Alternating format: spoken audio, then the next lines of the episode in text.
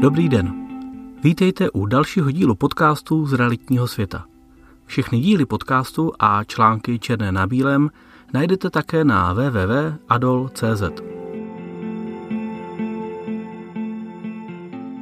Téma dnešního článku je Jsou vaše produkty a služby na dnešní dobu dostatečně kvalitní? Máte stejný problém jako já? Zajímá vás, zda jsou vaše služby nebo váš produkt dostatečně kvalitní? Myslím tím vzhledem k době, stavu technologií či úrovni služeb na trhu. Nebo třeba vzhledem k penězům, které za své služby či produkt požadujete. Jsou to již tři roky od doby, kdy proběhlo naše spojení firmy Monitor Dražeb.cz a Adolu, potažmo Aboru pod hlavičku Adol. Stále více sleduji, jak se posouvá očekávání našich zákazníků dál a dál – je to tím, že jsme progresivnější, chceme růst a hledáme nová odbytiště a cílové skupiny? Nebo je to vývojem klientů? Každé pondělí máme v Adolu poradu s obchodníky a řešíme různorodé záležitosti. Od zajímavých schůzek přes náměty a požadavky od klientů a kontrolu KPIs neboli KPI, zkrátka jsou to takové ukazatele výkonnosti, například obrat, počet objednávek, až po vývoj nových služeb – Pravidelně za mnou obchodníci přichází s tím, že musí některé služby posunout dál, než tomu bylo doposud. Zkrátka to, co stačilo k získání klienta před dvěma lety, již dnes nestačí. Sledujete také tento trend? Snažíte se přizpůsobovat, inovovat a zlepšovat své služby, nebo jedete ve větých kolejích? Při poslední poradě jsme téma opět otevřeli a myslím si, že podobný problém můžete mít i ve vašem biznise. Zajímal by mě váš názor – jsme jako klienti náročnější a chceme lepší kvalitu za méně peněz, nebo jen chceme kvalitu odpovídající ceně? Zkusím dnes například vysvětlit, kam se naše služby musely posunout, abychom na trhu uspěli. Třeba vám článek pomůže při přemýšlení nad vlastním biznesem. Budování obsahu. Někteří lidé chápou budování obsahu jako čistě marketingovou záležitost. Blog a rozhovory vznikly i v Adolu původně za tímto účelem. Ale dnes vidím, že sdílení kvalitních informací, postupů a návodů má ještě další efekt. Někteří zákazníci mají z investování obavu, jiní nemají nastavené procesy a jiní zase nevidí, kde začít.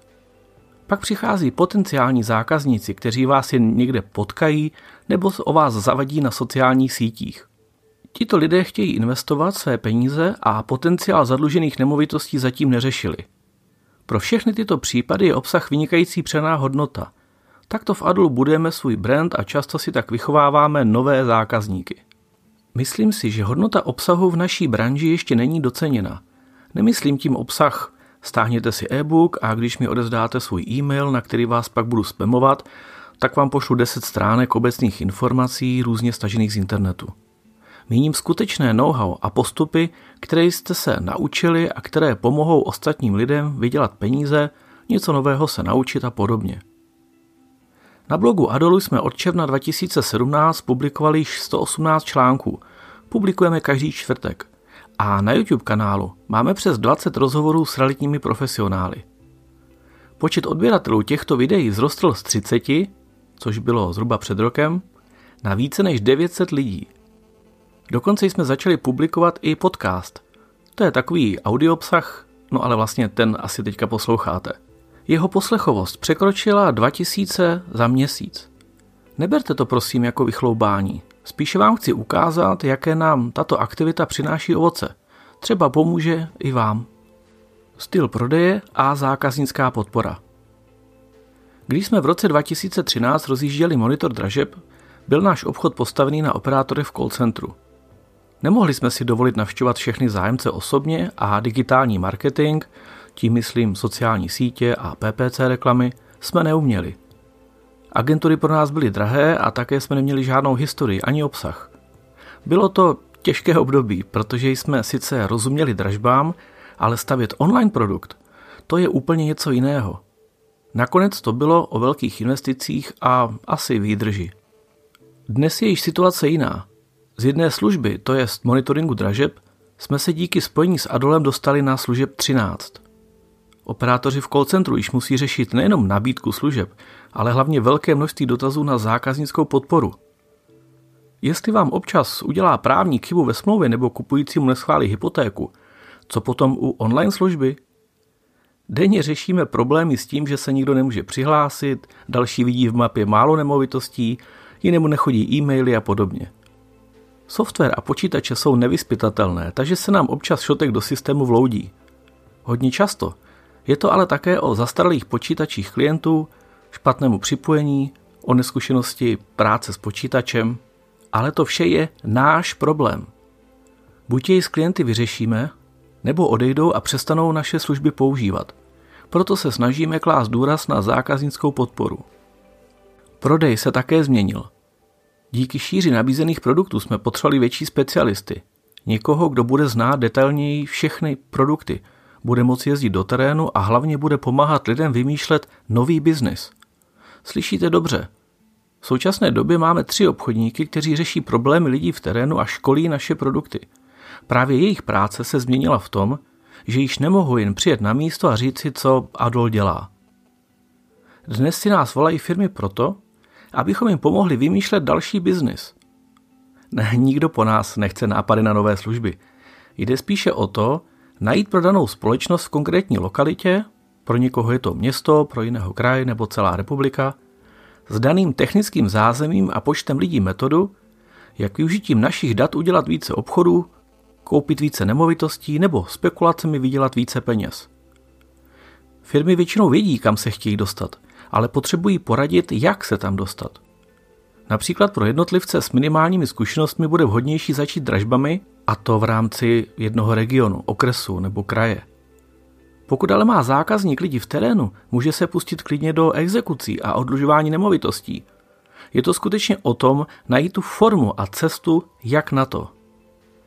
A díky tomu, že se obchodníci potkávají s mnoha klienty, mohou zase předávat nabité zkušenosti ostatním. Úroveň služeb. Kromě toho, že jsme se museli od telefonu posunout více ke klientům do terénu, očekává se od nás také větší pomoc. Kdo Adol sleduje, tak ví, že pomáháme zájemcům o nemovitosti například s rozesilkou dopisů vlastníkům. Dříve jsme pomohli získat klientům potřebná data a čekali jsme, až si klient vše připraví. Dopis, adresy, výběr cílové skupiny. V tom se ale klient často utopil, pro někoho je těžké pracovat s databází v Excelu s desítkami tisíc řádků. Navíc lidé neumí filtrovat data dle různých parametrů, připravit vše protisk, vymyslet a graficky doladit dopis. Většina klientů pak skončila na tom, že utratila 20 až 30 tisíc za něco, co jim leželo v šuplíku. K rozesilce, která měla stát další peníze, již nikdy nedošlo. A je to obrovská škoda, protože kdo tyto peripetie překoná, dokáže vydělat zajímavé peníze – i zde jsme se museli přizpůsobit. Obchodníci posunuli systém u klientů tak daleko, že například při ceně 20 až 24 tisíc korun dokáží zajistit rozeslání tisícovky dopisů.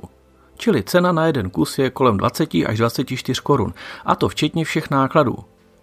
Získání dat, jejich vyfiltrování, příprava adres na rozeslání, personifikace dopisů, to je například, že v dopise napíšete vážený pane Tomku, víme, že jste a tak dále až po rozeslání přes Českou poštu. To vše za cenu, která lehce převyšuje cenu za vlastní dopis, aktuálně 19 korun. Navíc klient nemá žádnou práci, neřeší obálky, tisk, frontu na poště. Zkrátka jen zvedá telefony a řeší další nové obchody. Závěrem. Máte to stejné? Děláte pro klienty dnes více, než jste museli udělat před třemi nebo pěti lety? Je to dobou, Možná je to tím, že i my sami jako zákazníci jsme více nároční. Díky moderním technologiím, nástupu startupů a různým novým aplikacím si dnes myslíme, že služby jsou skoro zadarmo. Investoři a velké společnosti investují miliony do aplikací, které jsou zpočátku zdarma a my uživatelé si tuto výsadu užíváme. Firma sice zkrachuje, protože model byl neudržitelný, ale vznikne nová, která je technologicky dál a přizpůsobí se situaci na trhu – Služba se možná zdraží nebo se najde jiný obchodní model, například zobrazování reklamy, prodej lídů a podobně. Je to asi přirozená geneze, se kterou se my, malé firmy a drobní podnikatelé, musíme smířit a přizpůsobit se. Snažíme se Fadolu také držet krok s dobou a cítím, že s těmito změnami nelze bojovat, ale musíme se jim přizpůsobit. Již Charles Darwin v 19. století přišel na to, že nepřežívají často ti nejsilnější jedinci, ale ti nejpřizpůsobivější. Pojďme udělat vše proto, abychom nevyhnuli jako dinosauři.